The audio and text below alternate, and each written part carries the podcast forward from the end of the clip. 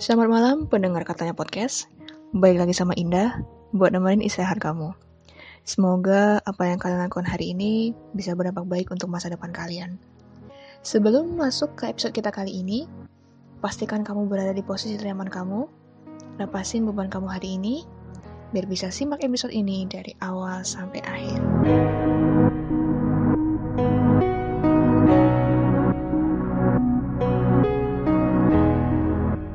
Kayaknya belakangan ini gue bawa topiknya agak berat ya, jadi gue sempat berpikiran kalau openingnya katanya podcast ini kayaknya mesti diubah gitu, karena gue bawa topiknya agak berat gitu, jadi agak berat dan malah bikin kalian gak bisa tidur takutnya.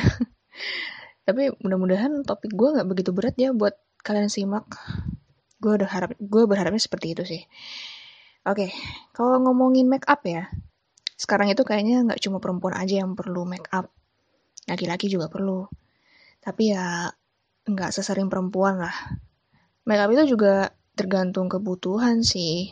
Ada yang memang untuk merawat wajah, mendalami sebuah peran, atau karena tuntutan pekerjaan, dan lain sebagainya. Gue baru-baru ini uh, ngadain survei di Instagram pribadi mengenai dari kapan sih kalian kenal make up gitu gue ngasih dua opsi. Yang pertama di bawah 17 tahun dan yang kedua di atas 17 tahun. Sebagian besar sih memilih opsi kedua yaitu di atas 17 tahun. Itu sebanyak kira-kira eh, uh, 87 persennya. Oke lah, gue juga masuk ke opsi kedua sih. Alasan gue kenapa buat episode ini ya ceritanya ini gue lagi bersih-bersih kamar nih menjelang lebaran kan ya. Terus ada gue nemu majalah Femina edisi berapa tuh ya, gue lupa Pokoknya covernya itu Tasya Farasya. Itu tahun 2019. Gue udah lama sih belinya. Tapi masih gue simpen. Kali aja gue perlu sama majalahnya.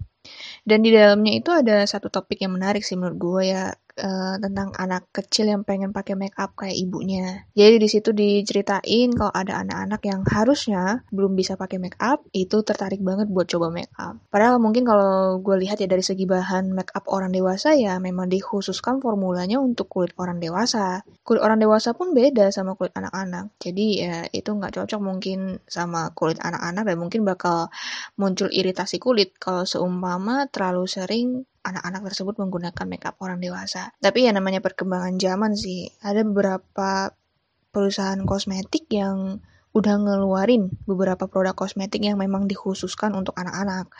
Memang sih dari segi harga ya lumayan lah. 150 gitu, harga 120 sampai 150. Tapi ya menurut gue kalau ada harga ada kualitas gitu. Ini yang sebelah nih berisik amat, sumpah ketok-ketok. Ih, emosi aing. Kalau pengen tahu ya nama mereknya, nanti gue cantumin di description box. Pengalaman gue sih sebenarnya tahu sekedar aja sama make up itu waktu TK sih. Waktu itu gue dipilih buat ngisi uh, acara pawai anak TK, terus gue jadi peran pramugari. Awalnya sih disuruh jadi nahkoda, tapi ditukar jadi pramugari. Pas udah dewasa, tinggi badan gue nggak lolos jadi pramugari. Lucu amat emang belum ada sih yang namanya makeup artis itu belum ada. Jadi kalau makeup itu ya kudu ke salon. Dan subhanallah memang hasilnya ya. Mungkin di era tahun 2003 tuh masih eksis ya, ya masih chance lah. Masih bisa dianggap cantik. Tapi kalau sekarang, nauzubillah. Tapi menurut gue ya saat itu, ya iyalah dan apaan sih nih? Akhirnya semenjak itu gue benci banget sama makeup. Gue nggak mau nyentuh foundation, gue nggak mau nyentuh eyeshadow sampai lipstick. Gue nggak suka lipstick. Karena lipstick itu waktu itu ih sumpah teksturnya tuh lengket banget dan kalau makan tuh di mana-mana ada lipstick gitu kan. Nggak enak banget lah pokoknya. Kalau sekarang kan nggak cuma lipstick ya ada uh, berbagai uh, tuh kayak uh, selain lipstick tuh ada lip tint ada lip cream lip stain lip crayon dan lain sebagainya. Kalau gue sih lebih suka lip cream ya karena kan teksturnya mungkin lebih lama tahan lebih tahan lama gitu di bibir. Gue jujur aja nih sempat mikir gue seumur hidup tuh nggak mau nyentuh make up ya saking gue nggak sukanya. Nah pas masuk zaman zaman puber nih sekitar mungkin usia usia SMP eh nggak SD itu gue mulai tumbuh jerawat parah. Saat itu gue fokus banget buat nyembuhin jerawat sampai akhirnya ya capek sendiri sih. Capek banget karena jerawat itu ya ibarat sembuh satu munculnya seribu gitu gue juga masih cocok-cocokan sih sama pembersih wajah dan hormon gue tuh bener-bener nggak seimbang. Gue juga kalau be pakai bedak ya masih pakai bedak bayi karena gimana ya mungkin bedak bayi itu lebih netral ya. Terus um, gue takut juga kalau nyoba kosmetik bedek uh, dewasa gitu takutnya jerawat gue bakal tumbuh lagi dan gue capek lagi nyembuhinnya dan waktu zaman SMP sih gue ngelihat standar kecantikan yang di mana sebenarnya nggak ada istilah kayak gini gue benci banget sama kalimat standar kecantikan ini. Saat itu sih otak cemerlang ya yang jadi standar kecantikan. Jadi kalau lo pinter ya lo dideketin banyak teman. Secara lo kan pinter nih teman-teman lo bisa nanya jawaban ke lo. Itu sih kayak um, sebutan halus dari kata nyontek gitu ya.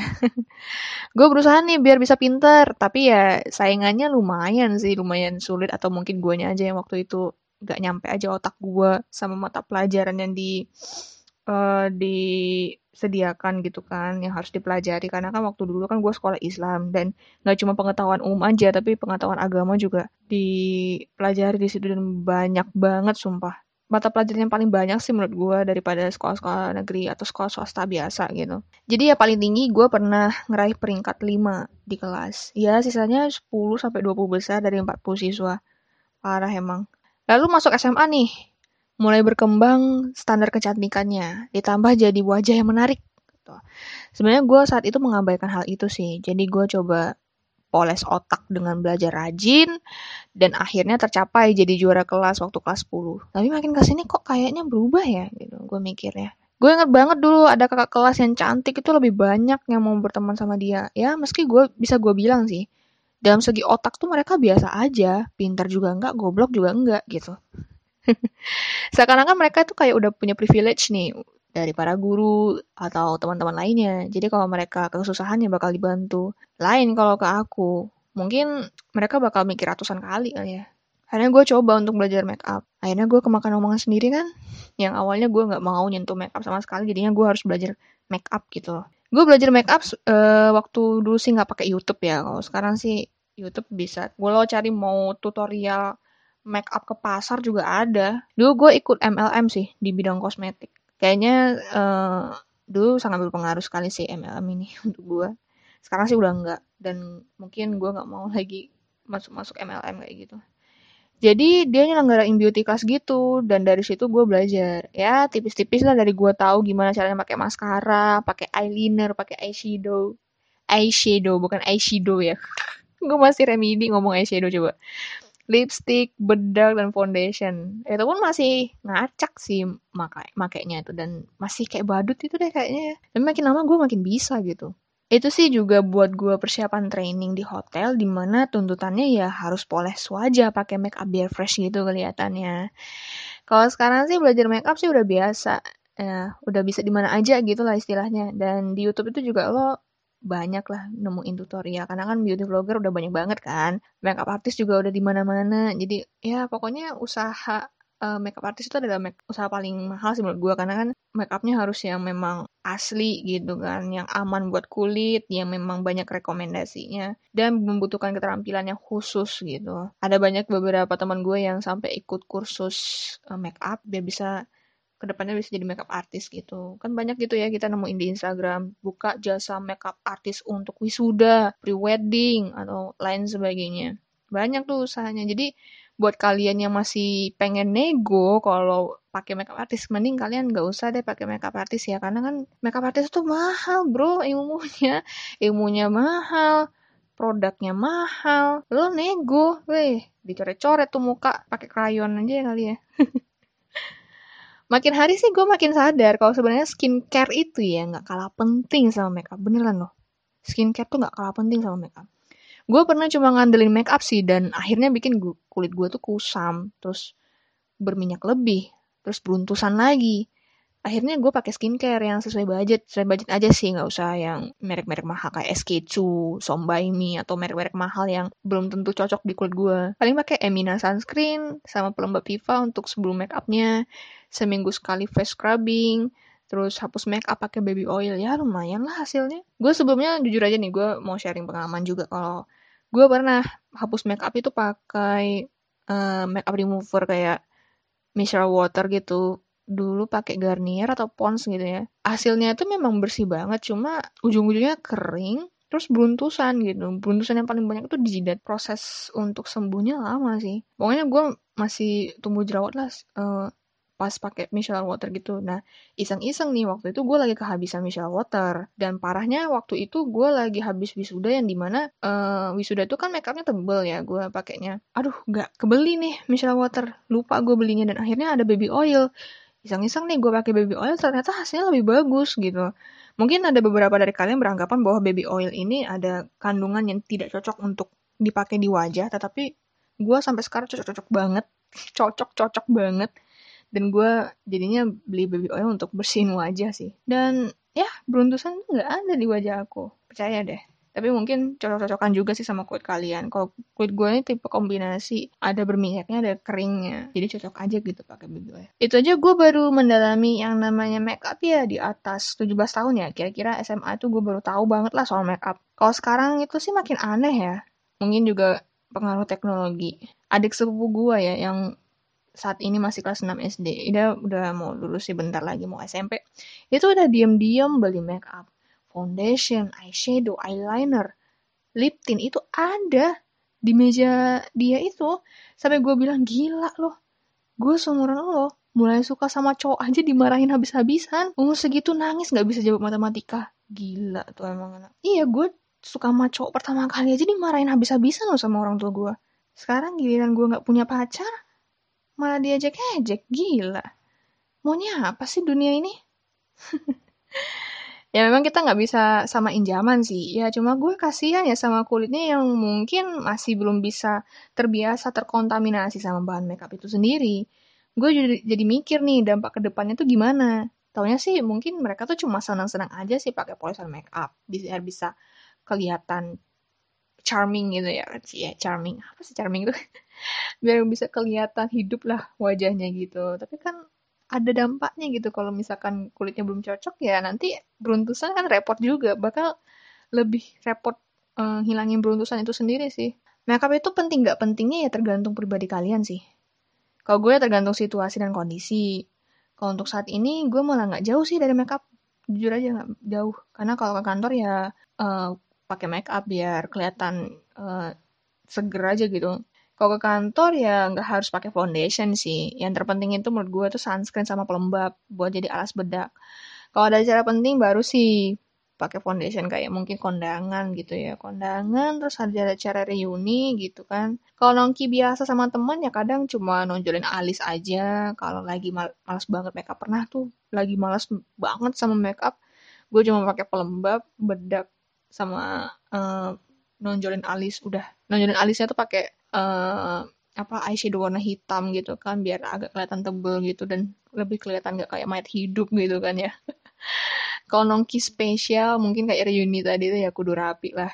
Mungkin pakai baju yang lebih manusiawi ya. Karena gue biasanya ke mana-mana tuh lebih suka pakai kaos sih kaos baju yang ya yang simple aja sih. Yang gak buri juga tapi kalau yang nongki spesial kalau mungkin reuni ya kudu pakai baju inilah yang lebih berkelas dikit lah biar uh, apa namanya biar apa ya biar rapi aja gitu makeup itu bukan cuma untuk membuat look kita bagus sih tapi bisa juga untuk merawat kulit wajah biar terlihat fresh lah istilahnya atau apalah itu dan mungkin para perempuan zaman sekarang sih udah pinter-pinter ya buat make up karena akses yang mudah itu akses yang mudah seperti kita dapatkan di YouTube atau di tempat lainnya tuh buat kita mudah banget buat kita tiru gitu. Cuma makin ke sini gue mikir kayaknya udah biasa banget lah ya kalau cantik wajah ya, ya nggak sih?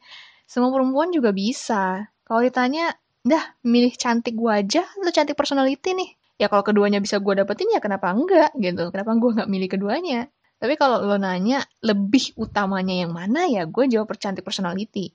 Karena maybe belum tentu yang cantik wajah itu cantik juga personalitinya. Gue nggak munafik sih. First impression itu emang penting. Bahkan ketika lo ngelamar kerja pun, HRD kudu dapet first impression yang bagus dari lo buat jadi pertimbangan lo mendapatkan pekerjaan. Dari gimana lo menjaga kerapian, bersikap, memadukan makeup yang simple, ya kan? Jadi ya kalau dipuji cantik karena wajahnya gue seneng, jujur gue seneng, tapi ya makin biasa aja gitu. Karena mungkin efeknya cuma sebentar aja. Benar, efek untuk dipuji cantik wajah tuh sebentar aja. Yang bertahan dan bisa ngang orang-orang nganggep lo manusia itu ya balik ke personality. Karena cantik wajah itu ya bakal memudar juga kemakan usia. Kalau good personality sih menurut gue bisa bertahan bahkan sampai turun-temurun. Yang itu yang sekarang coba gue latih. Gue coba untuk um, lebih merangkai personality gue lebih baik lagi.